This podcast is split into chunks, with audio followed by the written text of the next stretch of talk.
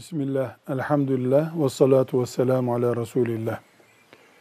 Deniyor ki bütün dünyada Müslümanlar zulüm görüyorlar. Biz dua ederek bu zulmü ne kadar önleyebiliriz? Asıl yapmamız gereken dua mıdır? Dünyadaki İslam'a ve Müslümana yapılan zulmü dua ne kadar önleyecek diye soru soruluyor. Elbette mümin dua ederek üzerindeki bütün görevleri savmış olamaz. Dünyadaki zulüm Müslümanların siyasi ve ekonomik askeri iktidarsızlıklarından kaynaklanıyor. Duadan önce bunların giderilmesi için çalışmak lazım. Bu doğrudur. Ama biz duamızı filan yerdeki Müslüman kardeşlerimiz hemen kurtulsunlar diye yapmıyoruz.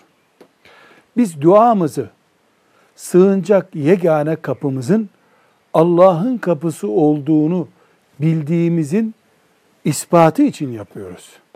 Bir tür tarafımızı belirliyoruz. Biz bu tarafız, Allah'tan tarafayız diyoruz. Müslüman olarak yapabileceğimiz son şey budur diye bunu yapıyoruz.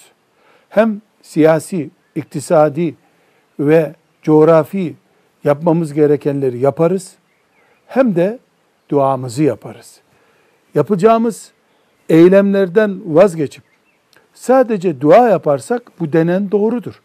Ama dua her geç muhakkak olmalıdır. Çaresiz kaldığımız zamanlarda da duamız vardır. Çaremiz varken de duamız o çarenin yanındadır. Velhamdülillahi Rabbil Alemin.